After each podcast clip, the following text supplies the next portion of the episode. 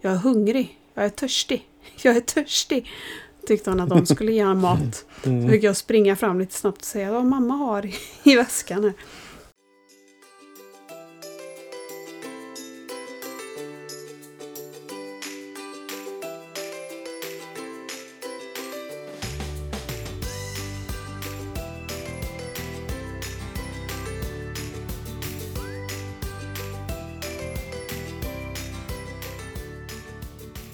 Varmt välkomna till det tolfte avsnittet av Nordlyckans podd. En podd från en funkismammas perspektiv med mig, Emma. Och det här avsnittet sänds i samarbete med minilappar.se. För er som inte känner mig sedan innan så heter jag alltså Emma. Jag är 35 år och bor utanför Borås tillsammans med min sambo Henrik och våra tre barn. Och 2016 så föddes vår mellanson Vide och det visar sig ganska snart att han har ett antal olika funktionsnedsättningar. Och nu vid årsskiftet i år fick vi reda på att han har ett syndrom som heter MAN 1-bet-CDG. Ett syndrom som är en ämnesomsättningssjukdom som påverkar nervsystemet. Och Vide som är 4,5 år har diagnoserna svår intellektuell funktionsnedsättning, autism, senmotorisk utveckling och en hjärnsynskada. Och till vardags så arbetar jag som polis inne i Borås. Jag är också fotograf och driver Instagramkontot Nordlyckan och även Nordlyckans podd.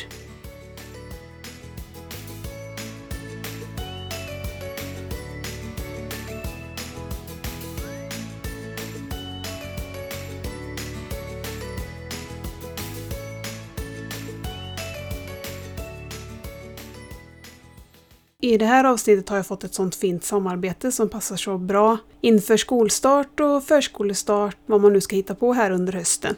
För minilappar.se har lappar, små lappar som man kan fästa på kläder och saker. Och de här lapparna är strykfria, det är alltså som vanliga klistermärken. Och de tål maskintvätt och de tål att diskas i diskmaskin och de tål att kokas. Och jag har lite kontrollbehov men eh, nu när vi skulle beställa de här lapparna så tänkte jag ändå att ah, barnen får eh, välja själva vilka lappar de vill ha. Så Alvi fick börja välja för jag förstod att om jag väljer något som han inte gillar så kommer inte jag få sätta de här lapparna på hans saker. Så han fick välja och då valde han en eh, emoji med solglasögon och med en blå bakgrund för blått är hans favoritfärg. Och om storebror får välja själv så ska ju såklart lillasyster också välja själv. Så Tuva hon vill ha en elefant och så valde hon gul bakgrund på sina lappar. Och sen var det vidare som såklart också skulle få välja själv. Så jag provar först att ta fram hans djurkategori på talapparaten. Men då hamnar vi i det här läget att det blir ett krav för honom. Han förstår att jag vill att han ska trycka på ett djur och då vill han ju inte det. Men jag testade istället att ta fram hemsidan på minilappar.se och en kategori där det fanns olika djur som jag vet att han brukar trycka och prata om. Då tryckte han på och pekade på clownfisken. Så då blev det en clownfisk och sen så tog jag fram likadant att jag tog fram kategorin med färger på hans talapparat. Att han skulle få välja vilken bakgrundsfärg han skulle ha på sina lappar. Och då tryckte han inte på någonting på grund av den här kravkänsligheten. Men sen lät jag den stå där och så gick det en stund och sen hörde jag svart, svart. Så då ville han ha en svart bakgrund. Så om du behöver lappar nu inför hösten till att markera kläder och prylar så har jag fått en rabattkod som ni kan använda er av som heter Nordlyckan. Lätt att komma ihåg. Och med den rabattkoden så får ni 25% rabatt. Så kod Nordlyckan 25% rabatt på minilappar.se.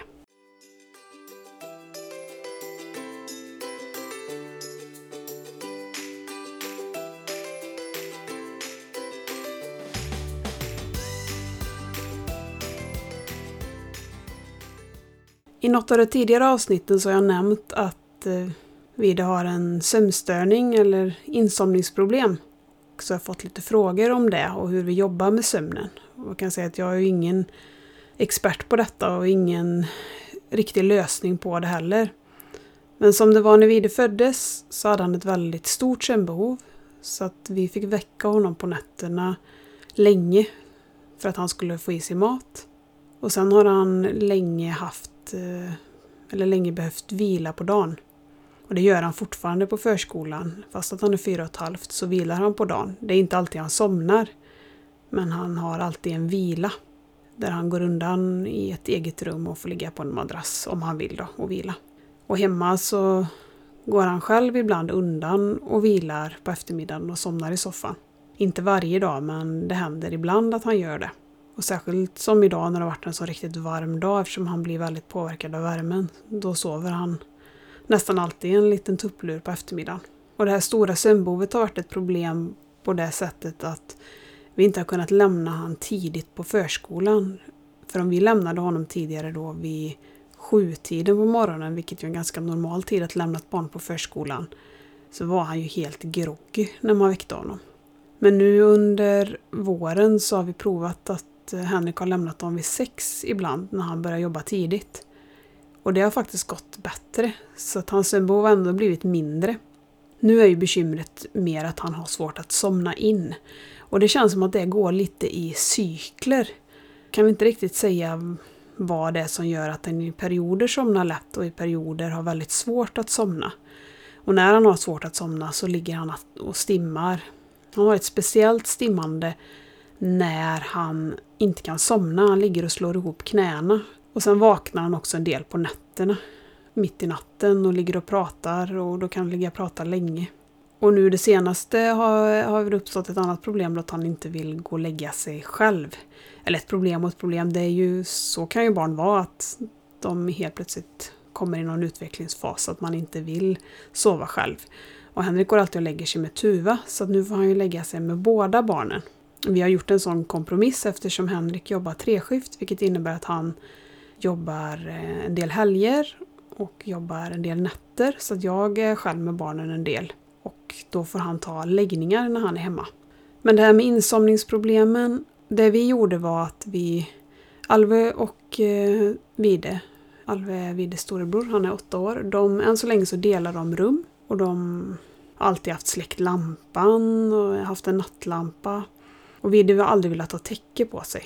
Så det här, många får ju tips med tyngdtäcke och det fungerar jättebra för många barn. Men eftersom vi inte vill ha någonting på sig så blir det svårt. Men vi har köpt som en sovorm i en större storlek.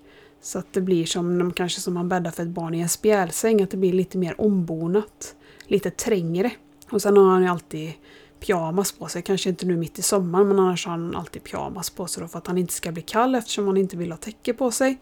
Och sen har han alltid sin favoritdrake. Det jag tror är viktigt är att man försöker göra samma rutin på kvällen.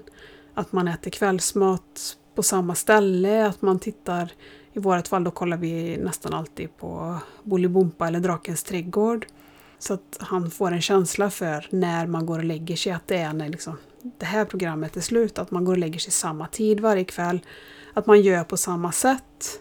Vi tecknar på samma sätt. Godnatt Vide, sov så gott, tack för idag. Och kasta slängpussar innan Henrik bär upp honom. Alltså den här tryggheten i att man gör likadant varje gång. Men sen hjälper ju inte det då, för ibland så har han ju ändå väldigt svårt att somna in. Och då på habiliteringen i Borås så är det en speciell sköterska som man ska prata med om man har sömnsvårigheter. Tyckte att hon inte lyssnade och att vi inte fick någon direkt hjälp. För att de vill ju inte skriva ut melatonin direkt. Och jag förstår att man vill inte skriva ut medicin till barn om inte det behövs. Och melatonin är samma sak som ett sömnhormon. Det är ingen sömntablett utan det är för att man ska öka melatoninpåslaget i kroppen, det här insomningshormonet. Jag tror att jag säger rätt nu. Så att man ger den tabletten och sen så får den effekt inom en halvtimme, en timme, någonting sånt. Innan det ger effekt, så man kan ge den en liten stund innan. Men det hade vi hört talas om då, den här tabletten, och frågade om vi kunde få det. Och då sa hon att Nå, men då ska man prova allting annat först. Man ska prova att det är svalt och tyst i rummet, att det är ombonat och kanske prova tyngdtäcke. Och då förklarar jag alla de här sakerna att vi har ju redan gjort de sakerna. Vi försöker ha rutin vid läggningen. Han sover i ett mörkt och svalt rum. Han vill absolut inte ha ett täcke så vi har gjort det ombonat för han. Då tyckte hon att då skulle vi prova att han inte vilade på dagen. För det här, det här samtalet med henne var, ja det är nog ett och ett halvt år sedan i alla fall. Och jag försökte ju förklara för henne att om han inte får sova på förskolan så orkar inte han vara där en hel dag. Så det är inte aktuellt att plocka bort den vilan. Men sen så var vi i alla fall på barnmottagningen någon gång förra året på ett återbesök eh, med en läkare där. Inte den läkaren som vi träffade på habiliteringen utan en annan läkare som vi träffat på grund av uppföljning. Jag tror det var för att vi låg inlagda när Vida hade ont i magen förra sommaren. Och den läkaren skrev ut melatonin bara utan eh, att ställa en enda fråga. Och efter det så använder vi det kanske två gånger i veckan. Vi ger aldrig det i förebyggande. För att som jag har förstått det så kan det här melatoninet ha en avtagande effekt. Alltså om man ger barnet det varje kväll så är det inte säkert att det ger lika bra effekt. Så vi ger faktiskt vid bara det när vi väl märker att han inte kommer kunna somna. Man hör det ganska tydligt på honom. Om vi går och lägger honom vid halv åtta, åtta och sen vid nio att man fortfarande hör att han ligger och stimmar eller att han ropar. Eller som nu då när Henrik får gå och lägga sig med honom att han bara ligger och eh, slår ihop benen om och om igen. Man känner liksom vilken kväll är det. Så får han en tablett. Och det finns i olika form har jag fått eh, lära mig. Vide klarar faktiskt en helt vanlig tablett. Så att vi har det väldigt lätt på det sättet. Man får vara, passa lite bara för han är lite lurig för han vill gärna spotta ut den. Men eh, han tar liksom tabletten och tuggar den och sväljer den. Men sen annars kan man ge melatonin i flytande form också. Det finns lite olika varianter. Och vi tycker att det funkar bra på Vide. Vi ger han bara en tablett och han är ordinerad två. Det, det tar ju emot att ge ens barn medicin. Jag vill ju helst inte ge honom för att jag tänker att det ändå kan ge någon biverkning. Men så länge han klarar sig på en tablett så är det ju bra. Och som nu, vi har varit iväg en vecka på Gotland och i en ny miljö så har han väldigt svårt att somna in. Och då kan det hända att vi ger honom i förebyggande. För då vet vi att nu kommer det att bli svårt att somna. Så får han det lite lättare. Och jag vet ju att det är många som har stora bekymmer med sömnen, att föräldrarna inte får sova. Vide somnar ju oftast i alla fall samtidigt som oss. Och sen sover han ganska länge på morgonen. Ibland är han ju vaken då mitt i natten. Så det blir ju mer att det blir ett springande för oss på kvällen. Det är inte så mycket att våran sömn ruckas utan det är mer att den här egentiden när man bara ska sitta ner, den tiden försvinner lite grann då. Men han vaknar inte speciellt tidigt på morgonen oftast utan han vaknar oftast sist av barnen. Om han inte blir väckt av storbror då. Så så har vi det med sömnen. Så de, eh, de tipsen och råden jag har fått är att se över, som jag sagt några gånger nu då, rutinerna vid sänggåendet, sovmiljön och sen om inte det funkar så kan man ju ta till medicinsk hjälp.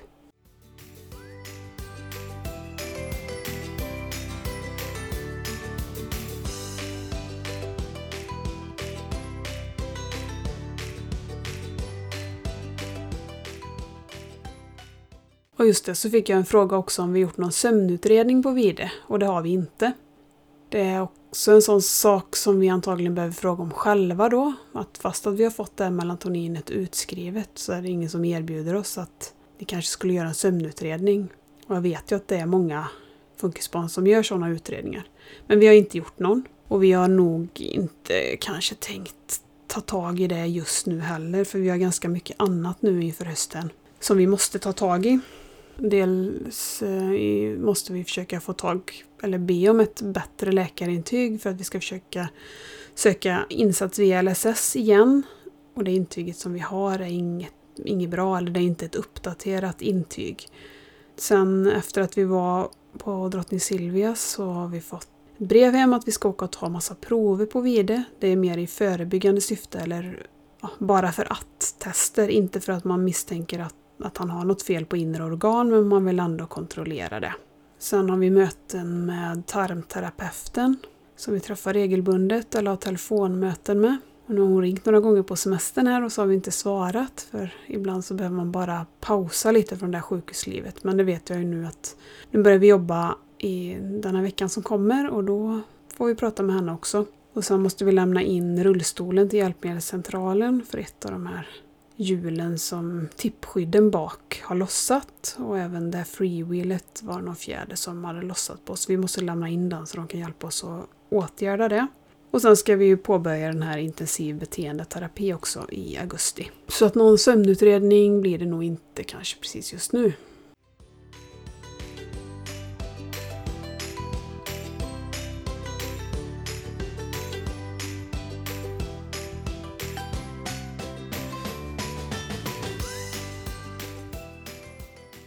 Och som jag nämnde lite kort så har vi precis varit på Gotland en vecka. Lite spontant. Vi velade lite fram och tillbaka vad vi skulle göra den här semestern. Från början hade vi tänkt Gotland den här sommaren. Vi var på väg till Gotland det året vi köpte våra torp här. Men så köpte vi torpet och då avbokade vi den resan för att vi hellre ville vara här och renovera. Och sen har vi inte kommit iväg till Gotland. Varken jag eller Henrik har varit där tidigare. Men sen eftersom det här året är som det är, ett lite konstigt år, så pratade vi om att vi skulle åka till fjällen istället. Men så var kompisar där och det var åtta grader och man fick ha mössa och vantar och då tappade vi suget lite för fjällsemester. Och sen hade våra grannar här varit på Gotland nyligen och sa att de hade uppfattat det som att det var ganska lite folk. Och det passar alltid oss bra, när det är lite folk.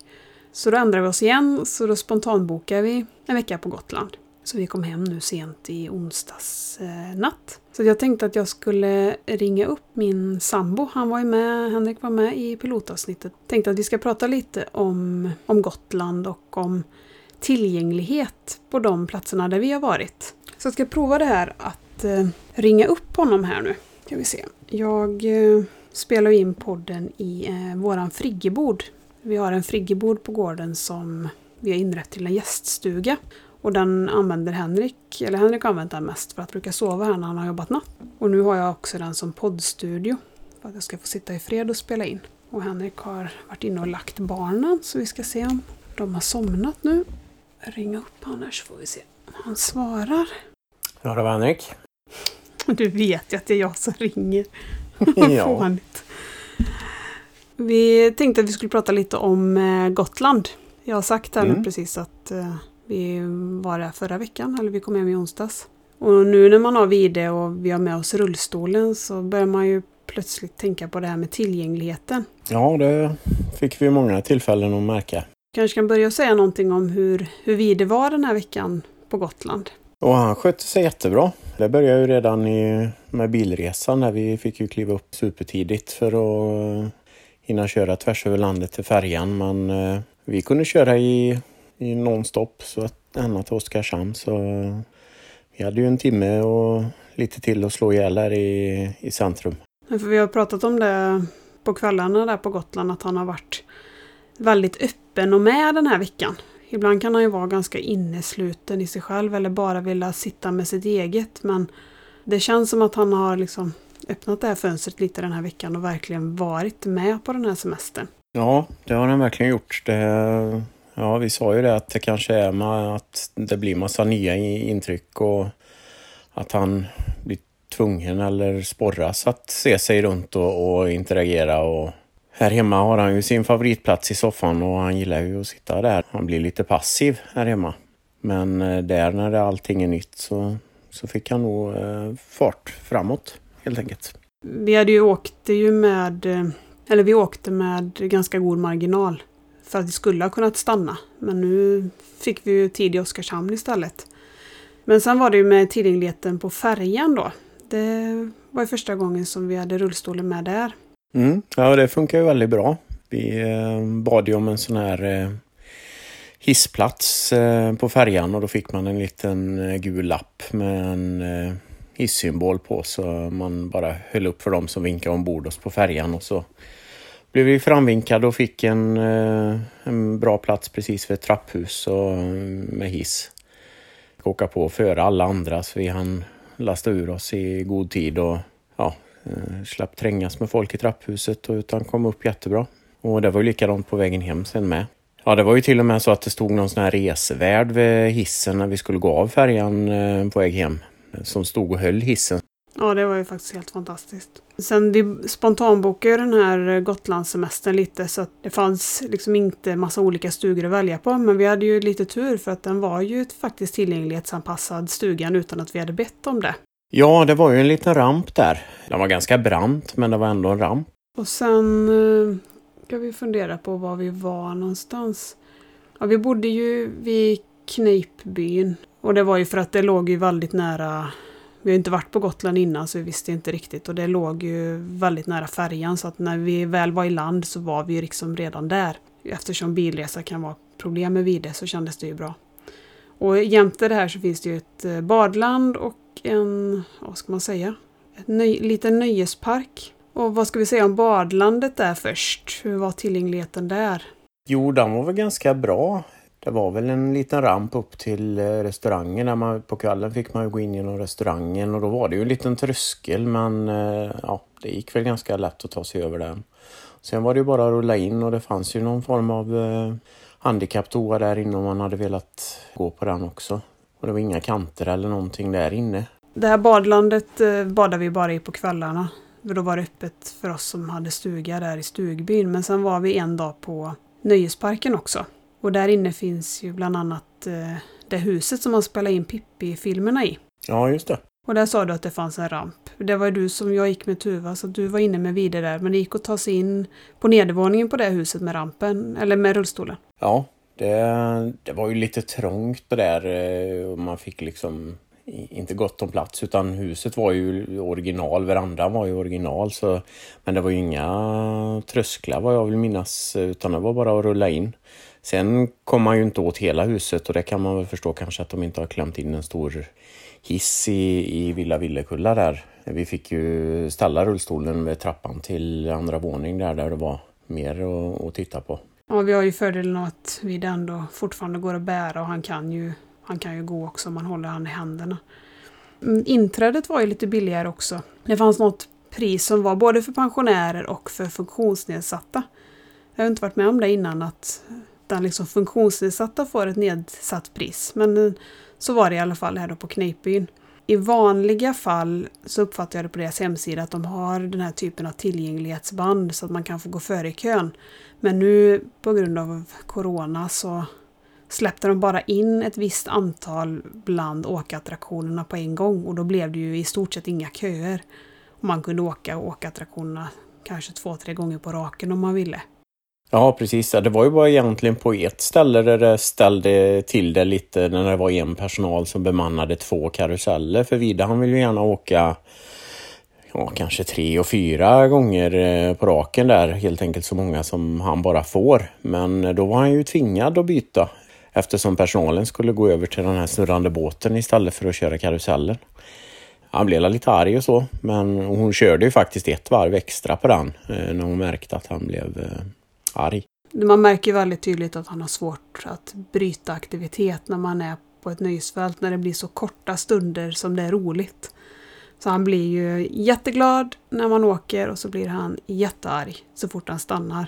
Så det är en väldig mm, berg och dalbana även i hans humör när man är inne bland karuseller.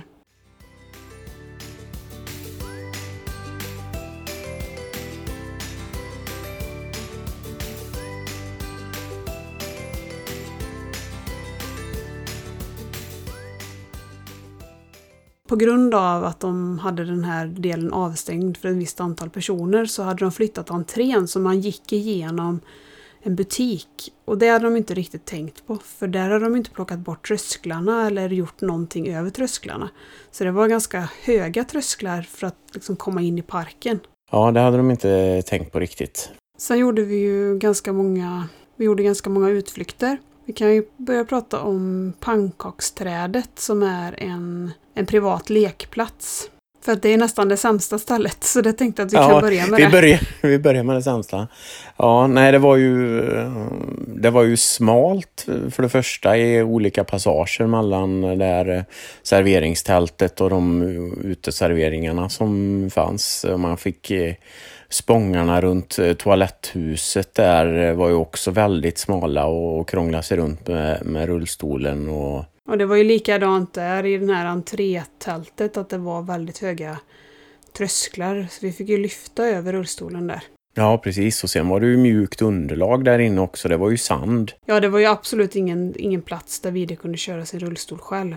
Sen Nej. är den här lekplatsen gjord på återvunnet eh, material och basen i den är en, är en ek, en stor gammal ek som ligger ner. Mm. Så det fanns väl, vi funderade sen i efterhand vad det fanns som Vide klarade av och det var väl en sån här fågelbogunga som hängde ganska nära entrén dit man ändå kunde ta sig med rullstolen. Ja, det var det ju. Sen hans favoritgrej där var ju den här eh, ganska branta rutschkanan. Den var ju bred och så, så men det var ju inga som helst räcken där. Och deras grej är att deras lekplats ska vara lite mer som verkliga livet. Den ska inte vara så tillrättalagd.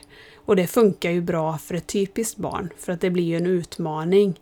Men om man då har ett barn med funktionsnedsättning så var det ju inte en lekplats som passade. Nej, det var det ju inte. Eh, sen var det ju ett bra besök ändå, men det var ju hela upplevelsen med att grädda egna pannkakor och sådär. Men tillgänglighetsmässigt så var det ju ett riktigt bottennapp för, för oss. Det var det sämsta vi, vi såg på Gotland.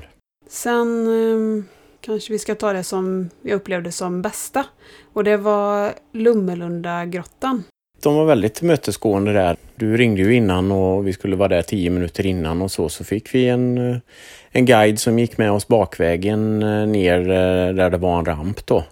Och så fick vi se hela grottan själva där först innan vi kom till mötesplatsen där och det var fina spångar där. Det var ju gjuten betong, eh, lätt eh, att rulla vid. Det var smalt på något ställe men det, det får man ju räkna med i en grotta. Det. Jag tyckte det var, det var ju lite nedförsbacke som var lite sådär grusig och lite blöt så jag, det var lite halt där så jag bad ju dig köra för jag kände att jag kände som jag gled. Så att om man kör någon som är tung så kanske man får vara två men det var ju jättefina vägar liksom konstgjorda vägar ja, ja. där inne i grottan. Ja, vi pratade ju om det också att om, om vi hade varit större och, och vägt mer och, eller han hade haft en större rullstol så undrade vi just, får man en handbroms till, eh, hur gör man då när man är ute och kör på någon som väger mycket mer? För det kan ju bli farligt och speciellt eh, som du säger här på, på halt underlag. Men det, det kanske finns lösningar för det. Ja, vi får fråga på hjälpmedelscentralen där om det går att få handbroms. Jag tror det gör det. Nej, och den här grottan är ju gjord så då att egentligen om man går den vanliga guidade turen så går man ner för trappor och sen går man som en slinga och sen har de sprängt i berget så att man går ut på andra sidan så att man går som en sväng. Man går in på ett ställe och ut på ett annat. Så att nu fick vi gå in och ut på samma. Jag hade väl först tänkt att vi inte skulle ta med vidare dit ner eftersom han gillar ju inte när rullstolen står stilla. Men då sa ju du att ska det verkligen hindra oss? Och jag gillar ju egentligen inte att det ska hindra oss. Så att vi gjorde ju ett försök då, eller tänkte att vi, vi testar och ser. I värsta fall får man ju gå ut. Och det gick väl, eh, ja, det gick ju både bra och dåligt. Han började med att skrika. Det gick jättebra så länge vi gick. Men sen så fick vi stanna i en av de här lite större salarna och vänta på resten av gruppen. Och sen när man går guidad visning så går man ju en liten bit och så pratar guiden och så går man en liten bit till. Och varje gång man stannar så blir Vidi jättearg. Men du sprang tillbaka upp till våran väska och så hämtade du en klubba till honom. Ja, jag vet inte riktigt varför vi inte... Vi hade ju ändå förberett och hade muter med oss i väskan så att, eh, men eh, Ja, vi var väl lite sena till, eh, till att möta guiden där i början så vi, vi bara kastade oss iväg och så glömde vi hela skötväskan. Så. Men eh, mutan funkar ju superbra. Han hade ju sin talapparat med sig också så han pratade ju om Babblarna och Bolibompa och jag vet inte vad det var, olika grejer han pratade om där nere. Nej, budskapet var klart att eh, han ville hellre titta på tvn och titta på Lummelundagrottan i alla fall. Ja. Men, eh, ja. Eh, sen pratade vi om det att det var ju tillgänglighetsanpassat med liksom ramp upp till entrén. Men antingen om den var gammal eller om de hade försökt göra den lite fin. Men det var ju inte alls bra att köra där. Nej, det var det inte. Det var ju eh, sådana här typiska kalkstenar som man såg överallt på Gotland som var lagda som en fin gång upp där och det var ju säkert charmigt och så men eh, det var ju dåligt underhållet så att det var ju eh, ett flertal stenar som låg eh, snett, pekade upp och, och det blev svårt att köra med, med rullstolen över dem. Och det gick ju tack vare att han blev körd men en som ska köra själv och nej, det, det, hade inte funkat. Så det, det, var lite knixigt. Men annars var det jättefint runt där och toaletterna var jättebra också. Och så så att eh, Lummelunda får ju toppbetyg ändå. Nästan toppbetyg på tillgängligheten. Och pannkaksträdet inte så högt betyg. Kan vi sammanfatta. Nej, precis. Sen var vi ju, testade vi lite olika stränder också. Och det kan man inte förvänta sig. En sandstrand är ju svårt. Våra två toppstränder, det var dels var det stranden på Fårö. Ja, Sudersand heter land. Och sen så var det pensionatet vid Tofta. I Tofta, ja. Mm. Och båda de hade ju asfalterade gångar ganska långt fram. Ja, det hade de ju. Tyvärr var det väl inte så bra sopat och det var ju inte Alltså det märktes att det var så mycket sand så det var ju riktigt länge sedan det var, vart sopat. Så hade det ju hunnit blåsa in en hel del sand så då var det ju ganska trögt att trycka igenom honom eh, där. På Fårö hade de ju lagt ut några sådana där ja, som med god vilja skulle kunna tolkas som någon, några rullstolsplank ihopspikat i någon ram som man skulle kunna köra på men det var nog för vuxnas rullstolar. Eh, du hade ju väldiga problem att hålla den liksom på de här plankorna och in, för att inte halka ner i mitten där. Men det var ju bra tanke att de hade lagt ut dem så sett, men eh, de, de tänkte inte på att det fanns små rullstolar också. Precis, det var ingen universalplanka precis. Och sen var det ju igen där att det inte var sopat. Det funkade ju för oss eftersom vi kunde knuffa vid det, men om han hade kommit där och skulle köra själv så hade han ju aldrig kommit fram där. Nej. Så då var ju tillgängligheten var ju ändå sisådär. Och sen på pensionatet där på Tofta så låg den enda toaletten som fanns, den låg vid parkeringen, vilket var ganska långt ifrån stranden. Av de stränderna som vi testade så tyckte vi nog ändå att Fårö var bäst av den anledningen då. Sen var det väldigt mysig miljö där också överlag så att det hjälpte väl också till. Ja, precis. Och det som vi inte tyckte var bra med stränder, vi var uppe på Tofta Beach Club och åt lunch eh, första dagen. Och där var det ju sand även liksom i restaurangmiljön. Nej, det var inte alls eh, bra faktiskt. Det var jättemycket sand. Så det, det, här, det hade han ju inte ens kunnat köra liksom raka vägen in till toaletterna som låg i källaren där. Vi hamnade ju halvvägs med rullstolen och sen, sen bar vi honom upp på, på uteserveringen där.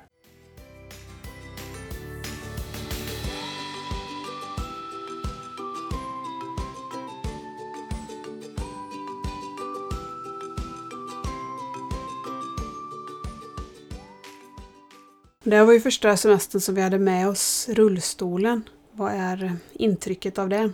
Ja, vi pratade ju om en grej, om att det är en väldig massa i och ur. Jag vet inte hur många gånger vi har plockat i och ur den ur eh, bilen.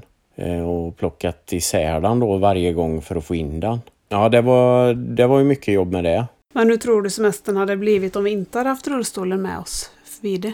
Han, är ju, han trivs ju väldigt bra med den. Han är ju nöjd när han får sitta i den. Busar och rullar iväg själv och upptäcker eller bara vilar på ett helt annat sätt än när han sitter i dubbelvagnen då som hade varit alternativet. Så det hade ju säkert varit eh, jobbigare att, att, att hålla honom nöjd om vi inte hade haft rullstolen. Nej precis, för han kan ju också tala om med rullstolen eh, ibland om han tycker att vi kör för långsamt eller han kan, de måste inte titta på exakt det vi tittar på eller han kan stå kvar och vila och det är väldigt mycket frihet med rullstolen. Och sen har han ju sin talapparat på den också, den kan han ju inte ha på vagnen. Nej, precis. Nej, sen är han ju väldigt bra på att leta upp tv-apparater på alla, ja, som på Bergman Center där vi var och tittade på, ja, han tittade på gamla Bergman-filmer där, klipp. Fascinerande tyckte han. Ja, likadant på båten. Det fanns ju någon tv som rullade där med reklamfilm runt, runt. Där ville han ju gärna mm. också eh, stå. Sen var han rolig på båten för han hade ju sin talapparat och jag vet inte om han tyckte att hans mamma inte hade tillräckligt mycket fokus på honom för då rullade han iväg och så satt det några folk där som ja, de åt någon mat de hade köpt. Så tryckte han på Jag är hungrig, jag är törstig, jag är törstig. Tyckte han att de skulle ge honom mat. Mm. Så fick jag springa fram lite snabbt och säga vad mamma har i, i väskan här. ja nu när vi har börjat använda rullstolen och även i kombination med talapparaten så går det liksom inte att backa, eller det går inte att backa ur det igen.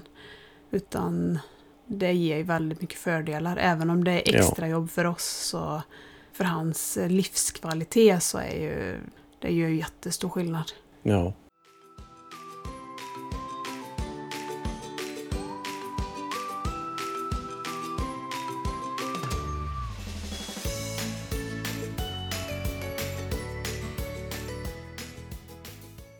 Ja, men jag tror vi har pratat klart om, om eh, Gotland, eller det jag tänkte du skulle vara med på. Har vi verkligen gjort det med mina iakttagelser om eh, naturreservaten och när jag sökte tillgänglighet och sådana grejer? Då? Ja, du kan säga något om det också om du vill.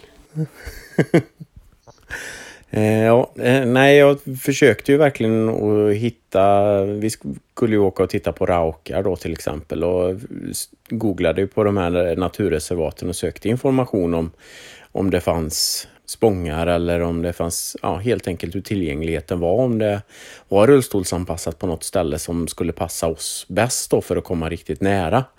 Men det fanns ju ingen sån eh, information. Och jag vet inte, nu åkte vi ju igenom några ställen då men och vi såg väl ingenting så här tydligt att det var anpassat heller så det verkar kanske inte som att de har tänkt så mycket på det med tillgängligheten i naturreservaten då. Nej, för vi stannade, vad hette det stället vi stannade till vid?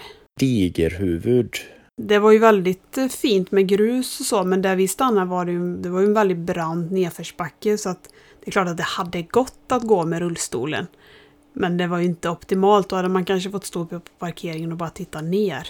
Nu fick ju vi det gå ner där och han var ju, just då var han på väldigt bra humör så det gick ju bra. Mm. Men det kanske finns någon annan plats där man kan komma lite närmare utan att behöva gå. Det finns det säkert, men eh, inte vad vi såg. Sen vi kan ju, det kan vi säga någonting om också. Det var ju första gången som vi hade med oss eh, vid en sån här eh, toasits som vi har köpt från Ikea. Eller inte första gången vi hade med oss den, men så här på en semester när man är borta en hel vecka. Ja, det funkar ju jättebra. Till och med där på det här eh, kreppsstället där, vad heter det? Krepsologi eller vad heter det? De hade ju sin eh, toa nere i källaren i en jätteliten trång eh, utrymme där, men han tyckte det gick bra. Nej, det var ju väldigt smidigt. Nej, från att jag provade första gången någon gång i början av sommaren och han gallskrek till att han nu inte protesterar egentligen var vi än är. Nej, det är jättebra. Det är väldigt stort framsteg. Det kom jag på när du pratade om det här med toalett. Vi var ju på två stycken bondgårdar. Första, andra dagen var det väl, vi var på Gotland. Först var vi på eh, det här stället där vi fick eh, mata får, vad heter det? Gisslaus eller? Ja, något sånt ja. Och där, eh, just när vi pratade om det här med toalett så kom jag på det, där hade hon ju ett utedass. Nu var vi aldrig inne i det så att jag vet inte, det kanske hade gått att sätta den här sitsen där. Men det kanske inte kändes... Det var inte tänkt för rullstol, så kan vi säga. Annars var ju hon väldigt eh, hjälpsam och tillmötesgående och såg till att vi kunde köra rullstolen ända fram till hagen. Och om han hade behövt sitta i rullstolen hela tiden så hade han kunnat både klappa och mata får genom staketet. Men sen var vi på en bondgård till där de hade kattungar, vad hette det stället? Grau... Grau... Grautegård. Grautegård. Ja. Och där var jag aldrig vid på toaletten, men jag och Alve var. Och där var ju också toaletten en trappa upp. Och då tänkte jag också direkt på det att det är klart att det, vi kan ju fortfarande bära vid upp, men när han blir större, eller om man har haft ett barn som inte kan gå, så var det ju inte riktigt tänkt på det. Det kommer ju väldigt mycket människor dit, men då får man ta sig upp för trappen.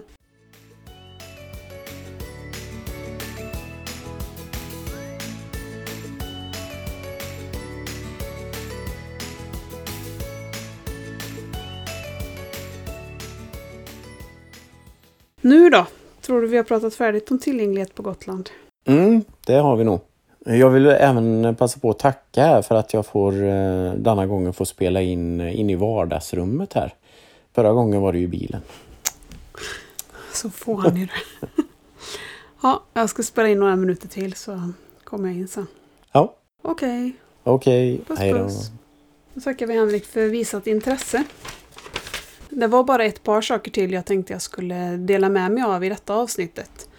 Jag har lyckats få två ljudinspelningar på Vide i, från vardagen. Och jag pratar alltid om att Vide kommunicerar mycket, även fast han inte pratar. Och jag tänkte att jag skulle, ni skulle få lyssna på ett klipp som beskriver det lite grann att det går att eh, reta sin lilla syster även om man inte har några ord. Nej! Nej!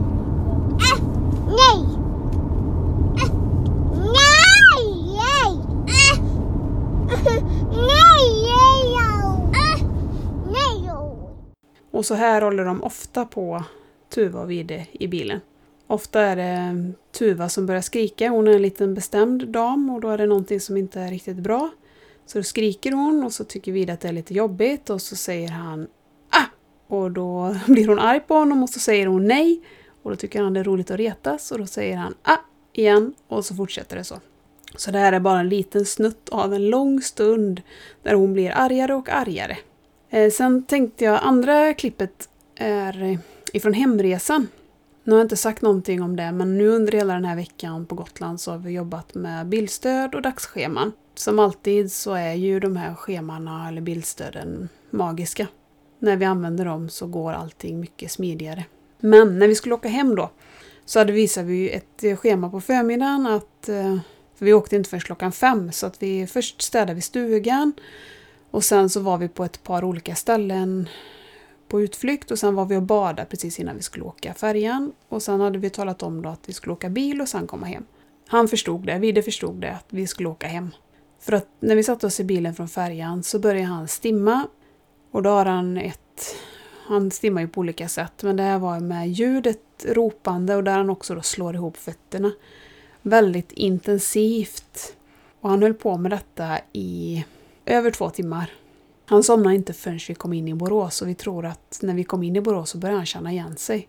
Då visste han att nu är vi snart hemma, så då somnade han. Så jag tänkte jag bara skulle eh, dela med mig av ett litet klipp, eller ni ska få lyssna på ett litet klipp hur det kan låta i bilen när Vide stimmar. Och det här är, jag tror detta är 15 eller 20 sekunder. Och så här höll han på alltså i flera timmar. Äh! Äh!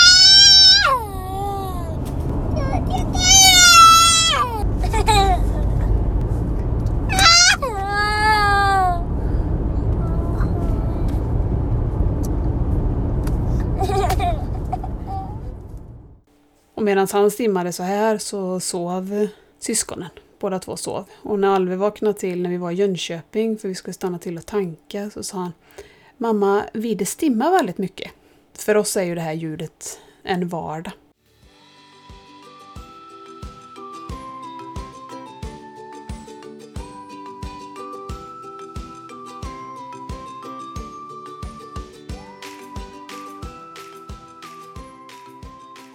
Nej, då ska jag nog gå in till Henrik och eh, äta lite fredagsgodis.